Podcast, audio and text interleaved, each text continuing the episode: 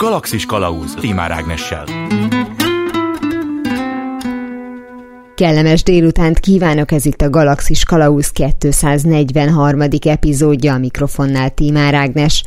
A héten elindult a most már hagyományosnak mondható őszi túlélési gyakorlatunk, ami kizárólag a hallgatóink miatt mondható most már hagyományosnak, mert önök nem csak hallgatnak, hanem támogatnak is minket, és ennek eredményeként tudunk köszönetet mondani például ebben a műsorban is, mert hogy köszönjük és hogy a túlélési gyakorlat bevezetésének oka és pontos célja azoknak is könnyen értelmezhető legyen, akik esetleg most hallanak az akciónkról először, igyekszünk olyan témákkal foglalkozni a héten, amelyek rávilágítanak részben a klubrádió helyzetére, részben a jelenlegi média viszonyokra.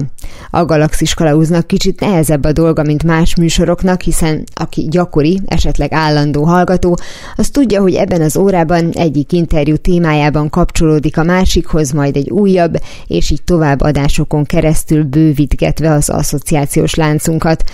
Nos, a múlt héten a börtönélet volt a téma, gondolom mindenki egyetért, hogy ezzel nem keresek közvetlen kapcsolódási pontot a mai témához.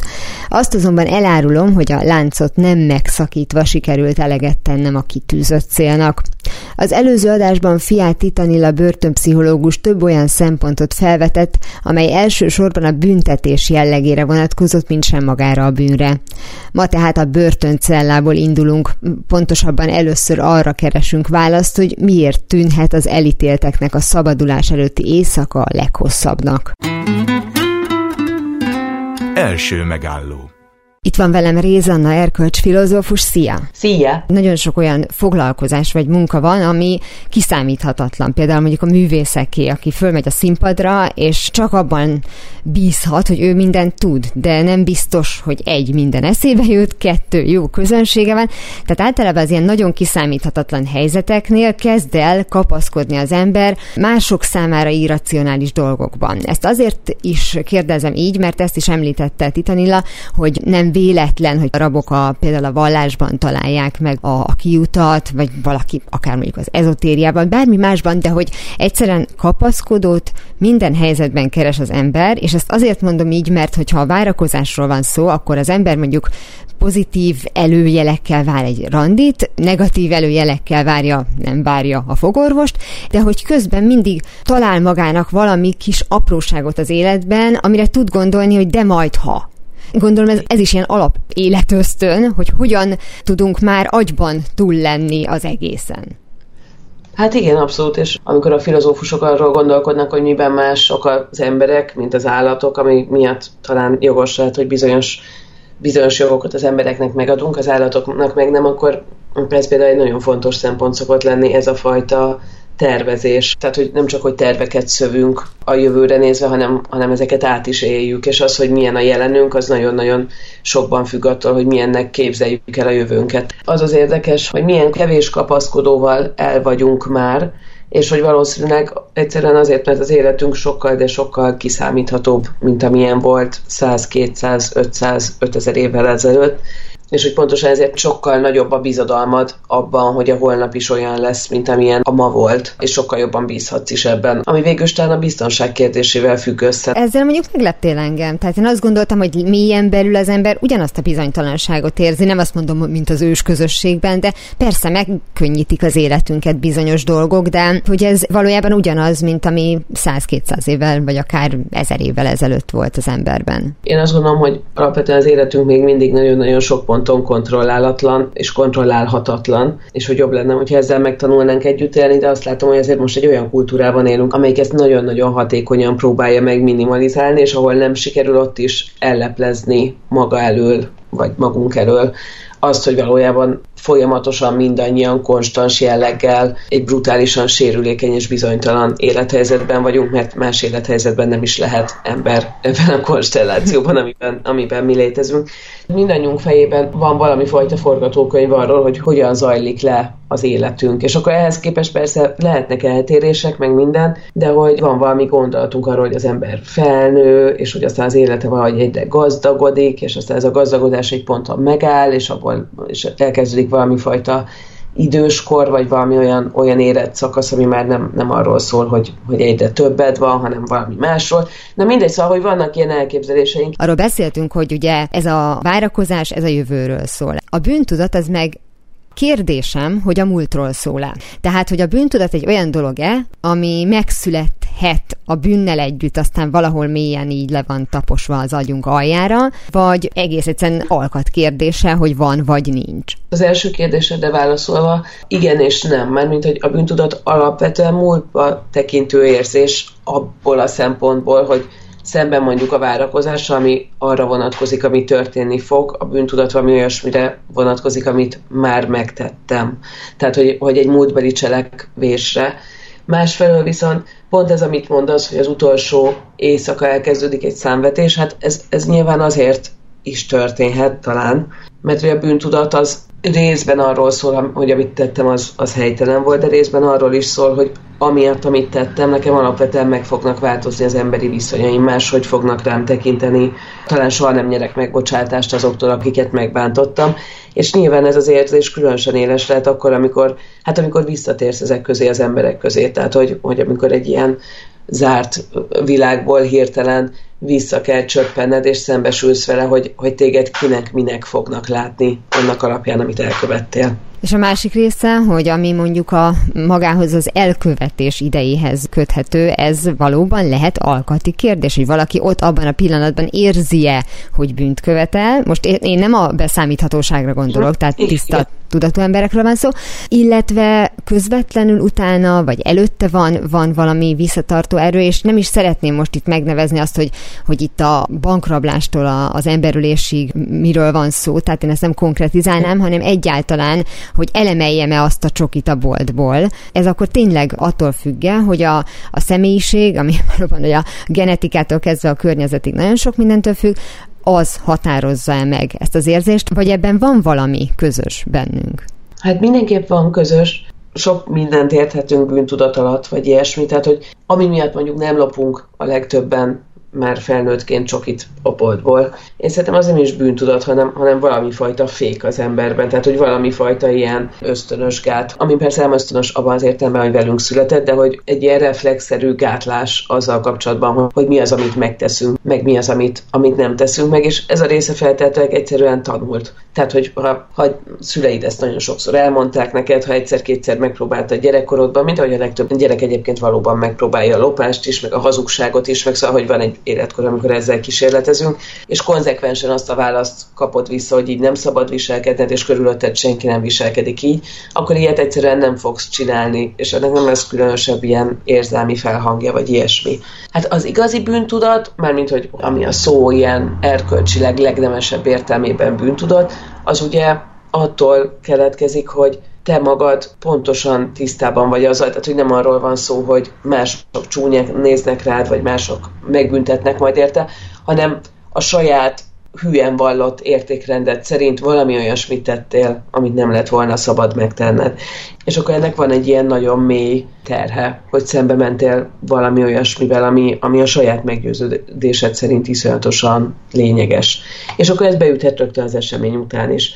És akkor van, mit tudom én, egy harmadik lehetőség, amikor megteszel valamit, amivel kapcsolatban valószínűleg sejtetted, hogy nem a világ legjobb ötlete, és valójában a bűntudat akkor támad benned, amikor látod ennek a következményeit, amikor látod más embereknek a fájdalmát, szomorúságát, a kárt, amit okoztál, és akkor valószínűleg az empatikus képességeid által lesz egy ilyen nagyon direkt rácsodálkozás arra, hogy úristen, mit követtem el. Akkor ez lehet az igazi választó vonal a bármilyen bűnvétek, akárminek nevezzük, elkövetésénél, hogy az illető azt tartja-e vissza, hogy lesz retorzió, hogy a társadalom ezt másképp ítéli meg, vagy pedig, hogy van benne egy olyan érzés, ami nem feltétlenül megmagyarázható, de tudja, hogy ez nem helyes. Igen, igen, abszolút, és hát azért szerintem amellett sok, sok ér szól, és a legtöbb erkölcsfilozófus is alapvetően azért azt szokta gondolni, hogy az erkölcsös cselekvés az az, amikor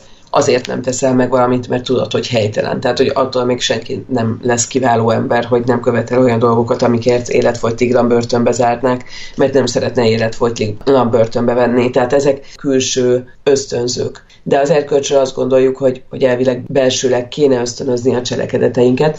Ugye, ami nagyon-nagyon érdekes kérdés, és amiben egyébként egyáltalán nincsen viszont egyetértés a, a kifejezetten az etikai szakirodalomban, hogy ez a belső ösztönzés megtörténhet-e érzelmek nélkül. Tehát, hogyha például valaki pszichopata vagy szociopata, akkor eljuthat-e annak a mély megértéséig, hogy valami helytelen, anélkül, hogy az ennek megfelelő érzelmi reakciókat adná, bűntudatot, megbánást, stb. stb. És hát ugye a való életben azt látjuk, hogy nem nagyon. Tehát, hogy azok az emberek, akikből hiányzik a, az empátia, meg az erkölcsi érzelmeknek a legtöbb formája, általában tényleg elég szörnyű dolgokat szoktak csinálni abban a pillanatban, hogy ezt senki nem látja, és senki nem, nem kéri számon.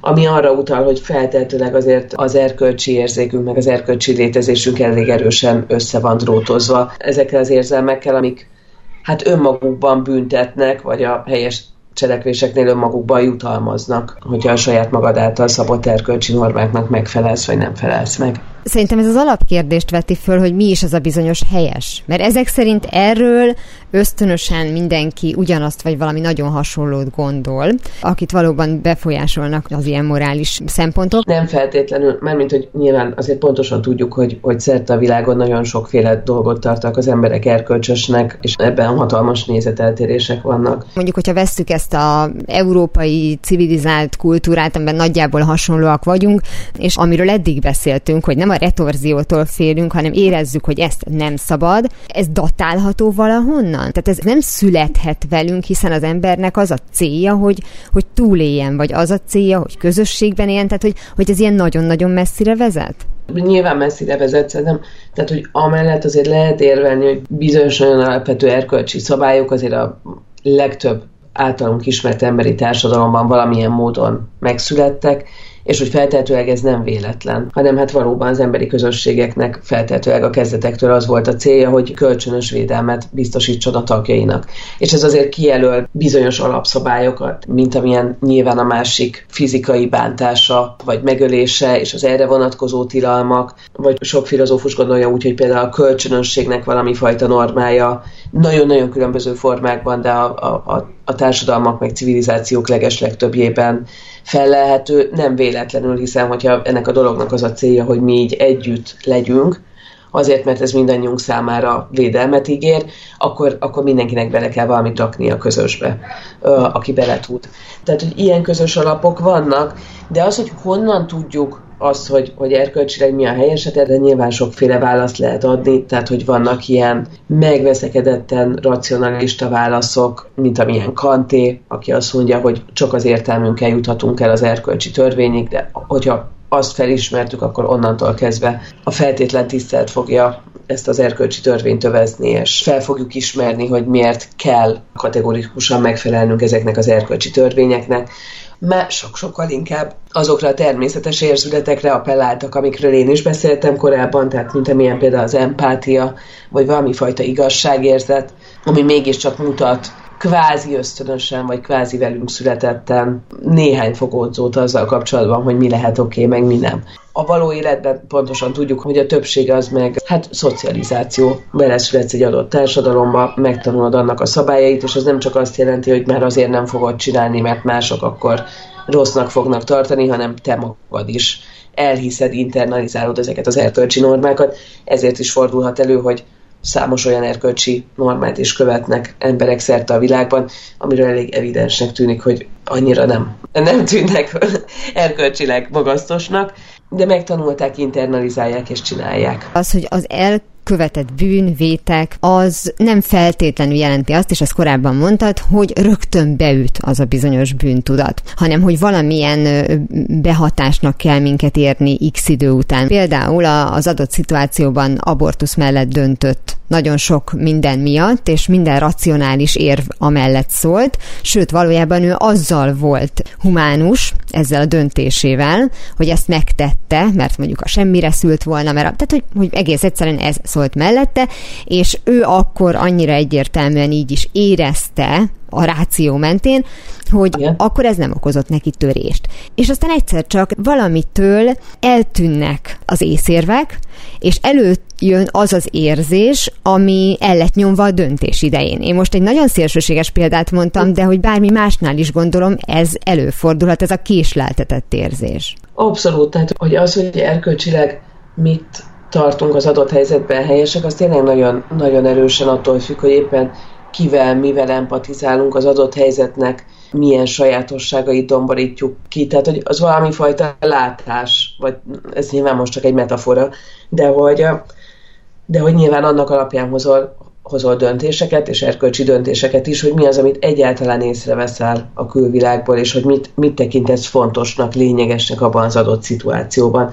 És, és bizony sokszor megtörténhet az, hogy hirtelen tehát hogy jóval az eset megtörtént előtt, egy ilyen teljes perspektívaváltáson mész keresztül, amiben hirtelen teljesen más részletek lesznek fontosak számodra, mint korábban. Egyébként vicces módon most visszajutunk a, a beszélgetés kezdetéhez, mert hogy maga a terhesség ugye egy nagy várakozás. Ó, és igen. hát pont arról van szó, hogy milyennek látod, milyennek képzeled el azt a jövőt, amiben te anyává vagy, vagy még egy gyerek anyává válsz. És hát ennyiben a, ez a döntésünk is. Nyilván van benne racionális kalkuláció, de van benne egy csomó fantáziajáték. Most ezt nem rossz értelemben uh-huh. mondom, de elképzeled a jövődet ezzel a gyerekkel, és hát simán elképzelhető, hogy, hogy évekkel később már egy más kép jelenik meg, amikor ezt elképzeled, mint akkor, amikor a döntést meghoztad. Arról beszéltünk, hogy hatással lehet minden, nagyon sok minden magára a bűn elkövetésének a tényére, de akkor ezek szerint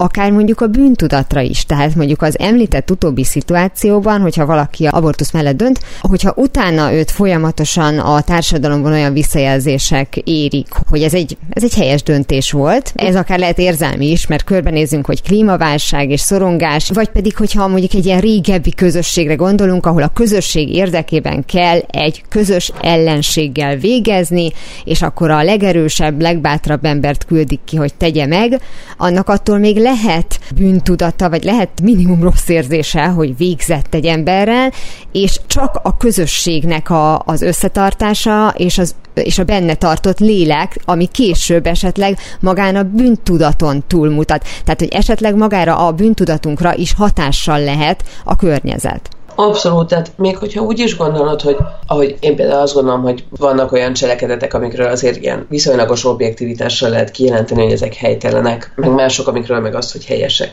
Tehát még hogyha hiszel is ebben, és hogyha még abban is hiszel, hogy van az embernek valami fajta belső erkölcsi érzékelve, mert pláne nem hisznek nagyon sokan, de amikor hiszel is benne, hogy valamilyen módon azért bármilyen korban eljuthatsz odáig, hogy az ellenfeledet megkínozni, rabszolgákat tartani, embereket koncentrációs táborba küldeni, nem oké. Okay. Még akkor is az, hogy ténylegesen a bűntudatnak ez a mardosó, kifejlett formája eluralkodik-e rajtad, vagy hogy ezt átéled-e, az nyilván függ attól, hogy milyen visszajelzéseket kapsz, hogy egyáltalán van-e időd elidőzni ezen a problémán, hogy van-e bárki körülötted, aki problematikusnak tartja erkölcsi értelmen azt, amit te elkövettél. Hát, hogy kapsz-e olyan típusú új ingereket, amelyek hozzásegítenek neked ahhoz, hogy más színben lásd azt, amit tettél, és így rájöhess arra, hogy ez nem volt helyes, de hát feltehetőleg emberek tömegei élik le úgy az életüket, hogy ugyan talán motoszkál bennük valami azzal kapcsolatban, hogy az ott, amit csináltam, az nem volt helyes, és talán nem is szívesen gondolnak rá, és talán szívesen eldugják az emlékezetük egy hátsó csücskébe, de soha nem, nem válik kifejlett bűntudattá, mert ezt, ezt semmi nem idézi elő, vagy semmi nem segíti. És ahogy mondtad, ugye tulajdonképpen ezt az adott szituáció akár az ember életén belül, akár az egész korszakot nézve határozhatja meg, mert az említett rabszolgatartás esetén valószínűleg a legtöbb embernek értelemszerűen nem volt bűntudata, hiszen azt látta, hogy a világ így működik. És ez nem felmentés volt neki, mert nem érezte azt, hogy bármi alól őt fel kellene menteni. Hát igen, de ha belegondolsz egyébként a frissebb példákba, tehát, hogy mit tudom én, itt van most a MeToo. Uh-huh. Tehát, hogy ha mondjuk egy férfi, aki korábban közeledett tényleg nem helyén való módon nőkhöz, vagy a beosztottjaihoz, vagy diákjaihoz, stb. stb. Nyilván meg fogja próbálni hárítani ezt az egész dolgot, hiszen hiszen most pont arra készteti őt a világ, meg ez a lezajló normaváltás, hogy teljesen más színben lássa a korábbi cselekedeteit, hogy empatizáljon azokkal a nőkkel, akikkel valószínűleg korábban nem empatizált, hogy egyáltalán végig gondolja, hogy mindaz, amit tett, hogyan csapódott le a másikban. Tehát ha ezt valaki megteszi, akkor nyilvánvalóan bűntudata lesz. Tehát, hogy, hogy ez például nagyon, ez egy olyan helyzet, és feltehetőleg egyébként bennem azért van remény, hogy, hogy van, akiben le is játszódott ez a folyamat, tehát hogy ezt nem, nem hárította, hanem végigcsinálta, és azt mondta, hogy így jártunk. A bűntudat az tulajdonképpen egy jó dolog. Hát a jogos bűntudat szerintem nagyon jó dolog. Tehát, hogy gondolj bele egy olyan világba, amiben semmi érzelmi fék nem tartana minket távol attól, hogy, hogy bántsunk másokat, vagy hogyha már bántottuk őket, semmi nem motiválna minket arra, hogy mégiscsak megpróbáljuk helyre rakni a dolgokat, bocsánatot kérni, valahogy így helyreállítani az erkölcsi világrendet. Nagyon-nagyon rossz lenne egy olyan társadalom, amiben nincs bűntudat. És az megint ugye tovább vezet, hogy ezt a helyre rakás az ember azért követi el, hogy az ő lelke rendben legyen, vagy azért, hogy a többieknek valamiféle vigaszt nyújtson. Ugye ez a klasszikus eset, hogyha megcsalta az illető a férjét feleségét, akkor annyira nyomasztja a dolog, hogy mindenképpen el akarja neki mondani. Amivel mit ér el, hogy az ő lelke az megkönnyebbül, ellenben valaki másnak meg mondjuk fájdalmat okoz. Igen. Ez egy külön nagyon szép téma, hogy a vezeklést mikor tartjuk erkölcsös dolognak, és mikor gondoljuk azt, hogy valójában csak arról szól, hogy az illető könnyítsen a lelkiismeretén, de hogy valójában semmit nem állít helyre, sőt, ha lehet, még több kárt okoz, mint az eredeti cselekedetével.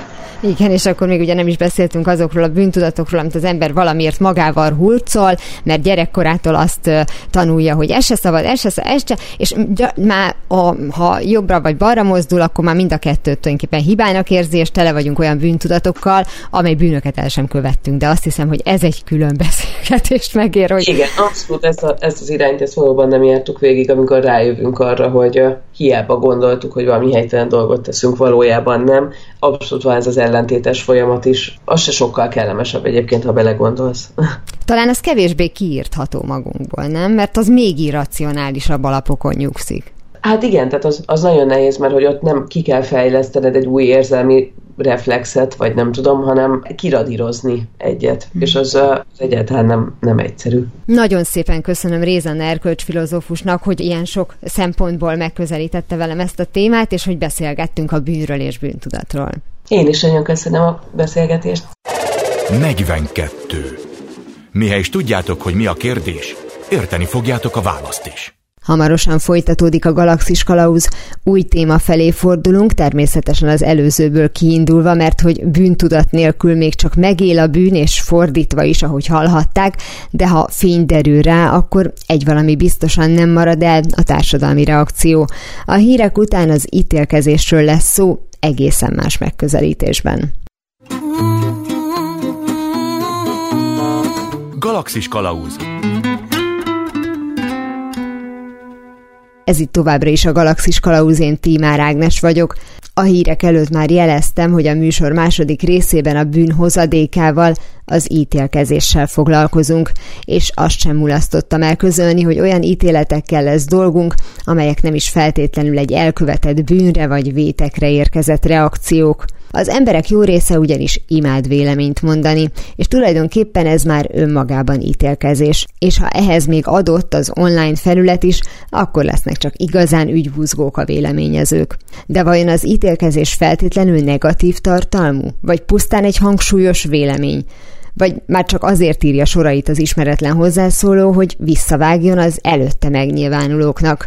Felmerül ilyenkor, hogy az eredeti témára szükség volt-e, és ha már itt tartunk, egyáltalán mi volt az? Második megálló. Itt van velem Mikec Dániel, politológus, mozgalomkutató. Szia! Szervusz! Az ítélkezés az az életünk része, és ezt mindenki egy ilyen negatív tettnek vagy tartalomnak szokta minősíteni, és persze vannak ennek fokozatai, de valójában ennek van egyfajta, akár a politika szempontjából, akár egyáltalán a társadalom működése szempontjából egy pozitív értelembe vett mozgató ereje? Nyilván hát azért az ítélkezés, vagy az ítélet az arra vonatkozik, hogy az a normarendszer, amiben élnek az emberi közösségek, annak valaki mennyire felel meg, vagy nem felel meg. És maga a jogrendszer is egy, egy normarendszer, de hát ezen kívül vannak olyan fajta normák, amelyek nem jelentkeznek jogszabályokban, hanem sokkal inkább az emberek közötti egy ilyen morális konszenzuson alapul. Tehát az, hogy mi az, amit meg lehet tenni. Ez akár változhat közösségek szerint is, hogy mi az, ami még belefér valahol, mi az, a, ahol nem. Például máshogy öltözünk fel, hogyha elmegyünk egy hivatalos valamilyen munkahelyi vagy, vagy iskolai ünnepségre, máshogy öltözünk fel, hogyha valaki a barátaival találkozik. Tehát, hogy ezek is a, a normákhoz tartoznak, és hogyha valahogy a politikában szeretnénk ezt megközelíteni, akkor ott is vannak olyan fajta elvárások, akár a politikussal szemben, hogy mi az, ami, ami beleférhet, mi az, ami nem, és hát ilyenkor ugye persze ez nem feltétlenül csak az általános emberi viselkedése vonatkozik, hanem ennek van valami háttere az szerint, hogy az adott politikai közösség milyen ideológiával, akár vagy szellemiséggel azonosul. Most ugye a mostanában vita Lázár Jánosnak a Horti megemlékezésen elhozott mondatai. Itt is azért persze arról van szó, hogy akkor mennyire normasértés vagy nem normasértés az, amit ő csinált. De például Kövér László, mint az országgyűlés elnöke, pedig megfogalmaz normákat a képviselőkkel szemben, és azt gondolja, hogy az a fajta ilyen aktivista képviselői szerep, ugye amikor a, az ülésen valamilyen segédeszközt használnak, vagy valami táblát felmutatnak, stb. Az is egy norma szegés, és ő be is vezetett olyan szabályokat, amelyek korlátozzák ezeket a magatartásokat. Itt az egyik részről persze az, hogy mit gondol a házelnök az, az sokkal inkább egy ilyen írott normákban jelentkezhet.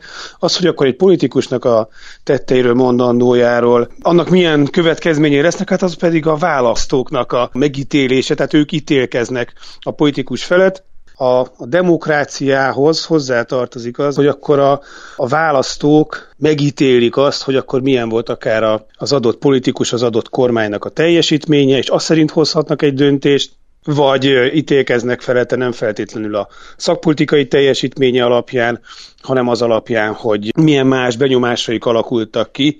Hogyha kivonnánk ezt az ítélkezést a politikából, akkor pont ez a, ez a demokratikus elszámoltathatóság tűnne el ezekből a modellekből. Vajon az a legfontosabb, hogy ezekről a konkrét személyekről, akik valóban döntést hoznak, akik meghatározzák ezeket a normákat, amit te is mondtál, azokról alkossunk véleményt, azok fölött ítélkezzünk, vagy valójában, mint hogyha az ember felmérni azt, hogy ezen a szinten tudja ő kifejezni valójában a, a véleményét, mert úgysem fog eljutni addig a szintig, ahol már a politikusok és bárki döntést hoz. Tehát ez az egyetlen módja, hogy esetleg kialakuljon az, hogy lássa maga körül, hogy úristen, itt mindenki hülye, bocsánat, vagy pedig jaj, de jó, hogy, hogy mások is egyetértenek velem. Hát ez egy nagyon érdekes jelenség, mert régebben léteztek a, a betelefonálós műsorok, tehát az volt egy olyan, most illetve hát a, igen, most is van, de hogy a, úgy, mint ahol volt egy ilyen interakció a az a néző vagy hallgató, és hát az olvasói levél, ami még egy még korábbi műfaj, ott pedig az olvasó és vagy a szerkesztőség között. Tehát ugye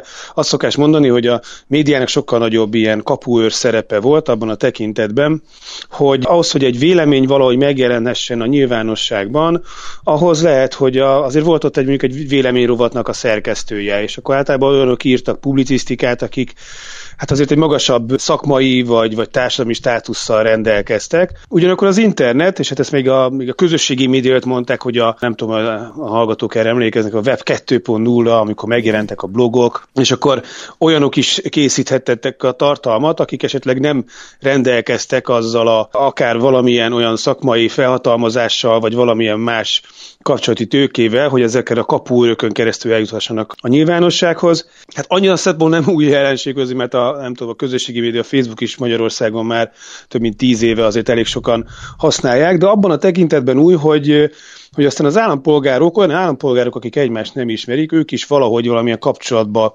léphetnek egymással. Persze, tehát, hogy a, az egyén számára a politikai véleménynyilvánítás, és akár nem csak a politikai, hanem valamilyen morális véleménynyilvánítás, annak a kifejezése, hogy mit tartunk jónak, mit tartunk rossznak, ez nem csak arra vonatkozhat, hogy azt remélheti, hogy ezáltal meggyőz másokat, akik ott vannak abban a komment szekcióban, vagy eljuthat valahova a döntéshozóhoz, ami egyébként elképzelhető, tehát hogyha a politikusok kiposztolnak valamit, azért valószínűleg ők is megnézik azt, hogy hogyan reagálnak arra mások. Azért nagyon sokan, akik szeretnek vélemény nyilvánítani, lehet, hogy az ő véleményük azért az nem képzi le egy szélesebb társadalmi véleményeket. Ugyanakkor ez a fajta vélemény nyilvánítás az, a, az magáról az egyénről is szól. Tehát az, hogyha mi, nekünk van egyfajta egy ilyen, egy ilyen erkölcsi, egy ilyen morális háztartásunk, azért azt néha rendbe kell szedni, hogy meg kell erősíteni. Hogyha én azt gondolom, hogy valami nem fér bele hogy, hogy valaki ilyesmit mondjon, vagy úgy cselekedjen, mert hogy ez már sok, ez nem oda való, ez nem a közélethez való, nem ezt várjuk el egy politikustól, vagy nem ezt várjuk el másoktól. Ezek a vélemény nyilvánítások, ezek megerősítik a véleményt alkotót is abban, hogy az ő normái, a általa helyesnek gondoltak, azok valóban fontosak, valóban igazak, és ezáltal tulajdonképpen ezt a, a saját szabályrendszerét erősíti meg, azáltal, hogy kifejezi ezt, és hát azért bizonyos szempontból persze hatással lehet másokra is, illetve azok, akik olvasnak hasonló véleményt. Lehet, hogy ők nem kommentelnek, ugye ez nagyon nehéz, ez, ez nem lehet látni igazán, valószínűleg csak a, az ilyen közösségi oldalaknak az adminjai láthatják azt, hogy akár egy komment szekciót mennyien néznek meg, és hát mennyien kommentelnek oda valóban. Előfordulhat az, hogy valaki tessék egyetért valamelyik kommentel, de azt valahogy nem igazán lehet látni önmagában attól, hogy esetleg több lájkot kapna, stb. Véleményvezér az a kezdetek óta van, és egyszer csak már sokkal több embernek lesz ő a véleményvezére, és akkor ezeket hívjuk mondjuk influencernek, akik jobb esetben teljesen ártalmatlan dolgokról beszélgetnek, hát egy rosszabb esetben pedig olyan természetességgel nyilvánulnak meg politikai kérdésekről, és mondjuk olyan rutinnal beszélnek, hogy az, akinek semmilyen kapcsolata nincs egyébként a közélethez, az már az előadás módból azt gondolja, hogy hát akkor ez az igazság, és pont. És ez mennyire jellemző, hogy mi egyébként szeretünk véleményvezérek mögé beállni, és hogyha nekem jól adják elő, akkor én azt elhiszem. A másik opció meg az, hogy én a hírre vagyok kíváncsi, és nem érdekel másoknak a véleménye. Tehát önmagában a, azzal, hogy sokkal több információ megtalálható az internet miatt, az nem jelenti azt, hogy könnyebb dolga van az állampolgárnak abban, hogy tájékozódjon, hiszen lehetnek olyan információk, amelyek egymásnak ellentmondanak, vagy még akkor is, hogyha utána lehet olvasni, azért véges az ideje az embernek, hogy mindennel tudjon foglalkozni, ezért valahogy segítenek, támpontot adnak a vélemények, az interpretációk, vagy egyszerűen csak egy ilyen tényszerűnek ítélt leírása adott eseményeknek. És persze itt dől el az, hogy akkor mi az a forrás, hogy a, a korábbi tapasztalatok, valamilyen fajta csoporthoz való tartozás, vagy bármi más tényező lehet az családi is, ami kialakítja azt, hogy mit fogad el hiteles forrásként, hiteles véleményként az állampolgár. Persze ez a hitelesség, ez lehet az, hogy akkor ez valami szakmai vagy egy tudományos intézet, amelyiknek azért olyan fajta a tudás létrehozása, amelyet hitelesnek ítél meg a tájékozódó. Lehet az, hogy azért ítéli meg hitelesen, mert úgy érzi, hogy a saját politikai közösségéhez tartozik az a hírforrás. Ez ugye ez nagyon gyakori, hogy azért olyan újságot vagy olyan tévét szeretnek sokan nézni, ahol azért visszacsengenek azok a fajta vélemények, amelyeket ő is magainak ítél, és ez valahogy megerősíti őt abban, hogy azért igaza van. Az emberek szeretik azt, hogyha azt gondolják, hogy igazuk van. Ugye valahogy emberi kapcsolatokban is néha megjelenik azt, hogy hát megmondtam neked. Azért megjelennek újfajta szerepek is, tehát hogy a politikai influencereknél pedig a néha a szórakoztatás, vagy az, hogy valaki vicces, az is egy, ha nem is egy olyan fajta hitelességet tud generálni, de hogy egy, egy olyan hatást, vagy az, hogy hallgatnak rá, vagy elgondolkodnak azon, amit a, az adott illető mond, az is egy ilyen véleményvezér szerepet tud létrehozni, és persze azért érdekes ez, mert hogy azok, akik azt gondolják, hogy nem érdemes hallgatni azokra, akik állandóan mozognak, nem tudom, a médiába, vagy, vagy amit írnak az újságok, mondjuk ők is valamilyen fajta alternatív forrást azért, azért megtalálnak, vagy kijelölnek maguknak, tehát nem az létezik, hogy akkor elkezdik a, a nulláról, hogyha mondjuk tegyük föl a gazdasági helyzetről van szó, akkor mindenfajta adatokat elkezdenek nézegetni, és abból próbálják azt mondani, hogy akkor tulajdonképpen ki is tehet a, az inflációról.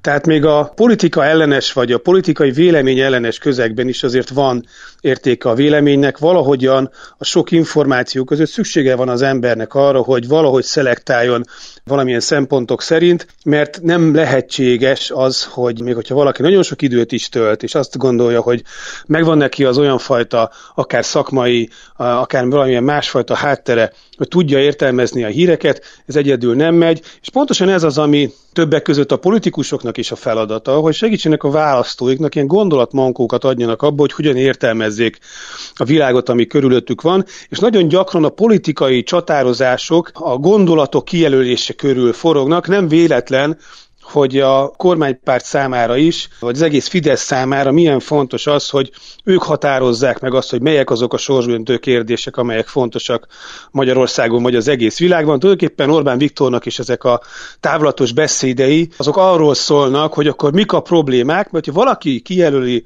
a problémákat, akkor már ki tudja jelölni azt is, hogy mi a megoldás, és ki tud egy olyan megoldást hozni, nyilvánvalóan egy politikus számára, ő maga, illetve a saját politikai tábora. Tehát valójában azokat a problémákat, amire nem tud vagy nem akar megoldást találni, akár ő, akár bármilyen mindenkori vezető, akkor egyszerűen bagatelizálja azzal, hogy vagy nem is foglalkozik vele, vagy eleve azt mondja, hogy ennél van fontosabb problémánk. Igen, mondok egy példát, nem csak most, de hát korábban is a demográfia az egy, az egy fontos ügye a, a jobb oldalnak, tehát minden valami bármilyen politikai oldalnak, világzati oldalnak azért vannak olyan ügyei, amelyek fontosak. De miről szólhat a, a demográfia? Tehát nagyon leegyszerűsítve arról, hogy akkor kevés gyerek születik. Ugye ez, hogy akkor egy jobboldali keltezésben ezt úgy is hozzá lehet, hogy kevés magyar gyerek születik. Uh-huh.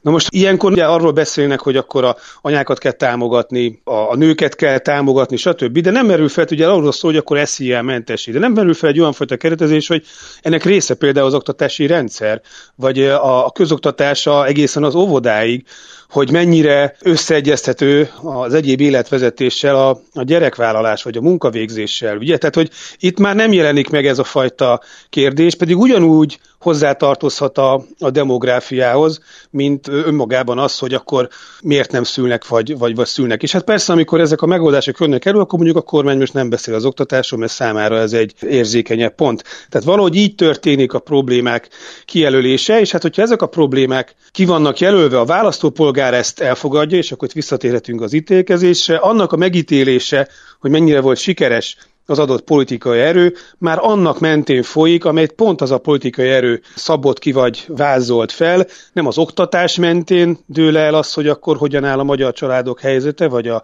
kisgyermekesek helyzete, hanem például az adókedvezmények szempontjából, amelyel persze azért most úgy tűnik, hogy lehet, hogy ott is lesznek változtatások. Ahogy mondtad te is, hogy aki bizonyos táborhoz tartozik, és ott hall egy hírt, egy véleményt, akkor azt fogja hitelesnek találni, és azt gondolom, hogy ennek mentén, hogyha akár külpolitikai kérdésekben megnyilatkozik a, a nekem tetsző oldal, mondjuk így, meg a nekem tetsző magyar politikus, akkor én is azt fogom mondani, hogy Micsoda hülyeséget csinált az az XY abban a másik országban, pedig lövésem nincsen, hogy ő egyébként mit csinált, de mégis ugyanazzal a meggyőződéssel teszem. És ezt te úgy mondtad, hogy ez gyakori. Ez a gyakoriság, nem azt mondom, hogy számszerűsítsük a dolgot, de nem ez az alapvetés. Tehát valójában, hogy tényleg az van, hogy tábort választunk, és onnantól kezdve az nem tud nekünk rosszat mondani. Hát ez ennek a mértéke változó. Tehát a nagyon magszavazók, vagy a nagyon elkötelezett szavazók, ők azért nem a többségét teszik ki az összes választópolgárnak. Nagyjából egy olyasmit szoktak mondani, ezt most pontosan nem tudom, hogy számszerűleg most ebben a helyzetben hogyan van, mert azért látszott, hogy növekedett a bizonytalanok száma. Tehát mindig van egy ilyen egyharmad, aki talán el sem megy szavazni, most ez így Magyarországról van szó. Van azért persze többen mennek el szavazni, mint 66 százalék, de hogy van egy, egy harmad még a választópolgároknak, akik, akik tényleg követik így a politikát, és akkor van egy harmad, aki meg csak úgy, amikor választás van, akkor, és nagyon gyakran egyébként ők a célpontjai a, a politikai marketingnek. És itt a, az elkötelezett szavazók belül is azért nyilván másfajta forráskritikával állnak hozzá egy, egy véleményvezérehez, vagy valamilyen fajta médiumhoz, és azért változhat az, hogy ez az elköteleződés, ez mennyire erős mennyire adnak hitelt, vagy akár mennyire elnézőek az adott politikai oldalal szemben. Tehát, hogyha kialakul egy ilyen kognitív diszonancia, hogy ott valamit lehet olvasni, ott valamit lehet hallani, és akkor ellentmondás van a kettő között, hogy akkor melyiket gondolja az, hogy inkább elfogadható. Nagyon gyakran például ez látszik a, a kormánypártnál is, hogy nagyon gyakran ö, sok olyan intézkedés vagy vélemény, az nem is feltétlenül arról szól, hogy egy politikai ügy kapcsán megszólítsák a bizonytalanokat, vagy netán az ellenzéke, szimpatizálókkal egy kicsit valami vonzóbb ajánlatot tegyenek, hanem épp az, hogy a saját tábornak segítsenek abban, hogy azért visszaálljon valamilyen fajta egység, valamilyen fajta koherencia abban, amit ők kapnak információként. Fel lehessen oldani azt a fajta ellentmondást, ami néha jön abból, hogy akkor mit csinál a kormány, vagy milyen konfliktusok vannak a kormányjal szemben, és hogy ők mit gondolnak fontosnak. Hát nem véletlen, hogy sokszor elmondja a kormány azt, hogy szeretnék a, a pedagógusok fizetését emelni, van is valamilyen százalékú fizetésemelés, nem egy ilyen egységes, stb. Ez talán most nem a szakpolitikai része az, ami érdekes, hanem csak hogy példaként ez azért is fontos, mert hát lehetett azt látni, hogy azért a kormánypárti választók számára is azért ez egy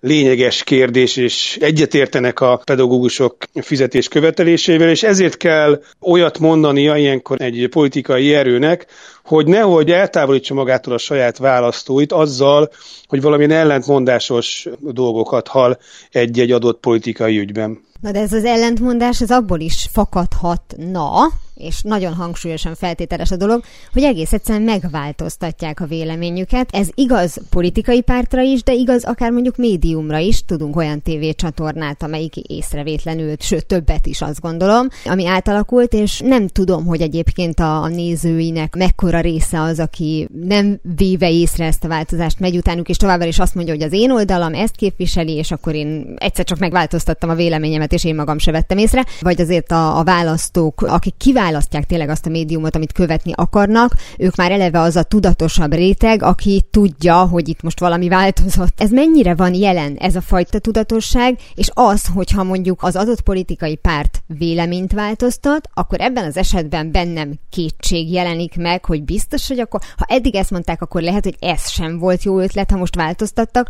vagy egyértelműen azt fogom mondani, hogy jó, hát most jöttek rá az igazságra, és amikor harmadszorra jönnek rá az igazságra, akkor én azt mondom, hogy hát akkor most harmadszorra jöttek rá a harmadik igazságra. Biztosan van olyan, amikor a, a szép, lassú változások mentén, akkor valakinek egyre inkább kevésbé komfortos az a, a nem tudom, az a médium, vagy annak a politikusnak a megnyilatkozásai, de ezek általában, vagy hát most itt Magyarországon ezek úgy történnek, hogyha például van egy szerkesztőség, amelyik hirtelen valamelyik másik tulajdonoshoz kerül, ami, ami maga után hoz egyfajta, hát ugye szépen fogalmazok valahogy a, a szerkesztési elveket, annak azért van valami olyan esemény ahhoz kapcsolódóan, ami tájékoztatást ad az olvasóknak, hogy hú, itt akkor most hát átvették ezt a szerkesztőséget. Hú, itt akkor felmondtak újságírók, vagy kirúgtak újságírókat. Tehát azért van egy olyan esemény, ami önmagában egy jelzést ad annak, aki követi azt, azt az adott újságot vagy, vagy portált. Ugyanúgy, hogyha van egy véleményvezér, és akkor gyakran ugye láttuk azt, hogy a Fidesz melletti elköteleződés, de akár mondjuk egy ellenzéki, hanem is egy ellenzéki párt, de, de akár egy tüntetésen valamilyen színésznek, zenésznek a megjelenése, az is egyfajta elköteleződést mutat, hanem is egy politikai párt, vagy politikai oldal, de egy, egy ügy mellé. És ezek a gesztusok, vagy ezek a történések önmagukban tájékoztatják a választót, az olvasót arról, hogy akkor innentől kezdve milyen fajta vélemények vagy információk jöhetnek attól az egyéntől vagy, vagy szerkesztőségtől. És ugyanígy a, a politikai pártoknál is, ott például a személycserék mutathatnak valamilyen fajta változást, hogy akkor na tessék, lemondott valamilyen pártelnök, vagy akkor kiszorították. Lehet, hogy számára ugyanúgy az az egyén maradt továbbra is hiteles és szimpatikus, de esetleg már nem ugyannál a, a, a pártnál van, vagy nem is jelenik meg aztán, mint politikus. Ezek is tájékoztatást adnak arról, hogy akkor mennyiben történt valamilyen fajta változás az adott pártnál, és hát ezt tegyük hozzá, hogy ez így is természetes, tehát hogyha valamiben változtatni akar egy politikai pártnak a közössége a saját véleményén, vagy hát a képviselt értékeken, vagy, vagy a célok tekintetében, akkor az járhat személycserékkel is, hiszen ha már a hitelességről is beszéltünk, akkor hitelesebb az, hogyha egy új személy képvisel egy megváltozott irányvonalat, mint hogyha a régiek próbálják magukat valahogy átalakítani. Természetesen azért a, a politikában mindig szükség van arra, hogy hogy rugalmas legyen a, a politikus. Tehát, hogyha azt érzékeli, hogy a választóinak, vagy a, vagy a kiszemelt választóknak a véleménye valamilyen tekintetben megváltozik, számukra fontos lesz egy ügy, akkor akkor teszi jól, hogyha reagál erre a, a változásra, és megpróbálja azért ezeket az elvárásokat kielégíteni. Hogyha már a tüntetésekről vagy a mozgalmakról is volt szó, az ő cégük pontosan az, hogy valahogy megváltoztassák a szélesebb közvéleménynek a politikai preferenciáit egy adott ügyben, vagy kiemeljenek egy politikai ügyet, hogy az fontosabbnak érezzék a választók. És ilyenkor ez a megváltozott közhangulat, vagy a megváltozott politikai preferenciák mentén képesek befolyásolni a politikai döntéshozót, hogy valóban a követeléseknek megfelelően hozzon döntést az adott ügyben. Toto, azt hiszem már nem Kenzeszben vagyunk. Mikec Dániel mozgalomkutatóval a jövő héten arra a kérdésre keresünk választ, hogy bár a közösségi oldalakon szervezett megmozdulások híre több emberhez jut el, mint korábban egy kezdeményezésé az internet segítsége nélkül, de vajon többen is vesznek részt ezeken az eseményeken? És ha igen, akkor hatékonyak-e, vagy a magyarokra jellemző szalmalánk természet online is működik? Mára ennyi volt a Galaxis Kalauz, jövő héten ugyanekkor találkozunk. Hamarosan archívumunkból visszahallgathatják a mai adást is, valamint most már podcast formában is elérhető a műsor. A rádió és a Galaxis Kalauz Facebook oldalán további érdekességeket találnak, illetve ha még nem tették, iratkozzanak fel YouTube csatornánkra. Köszöni a figyelmüket a szerkesztő műsorvezető Tímár Ágnes. Viszont hallásra! Viszlát, és kösz a halakat! Ez volt a Galaxis Kalauz. Timár Ágnes műsorát hallották.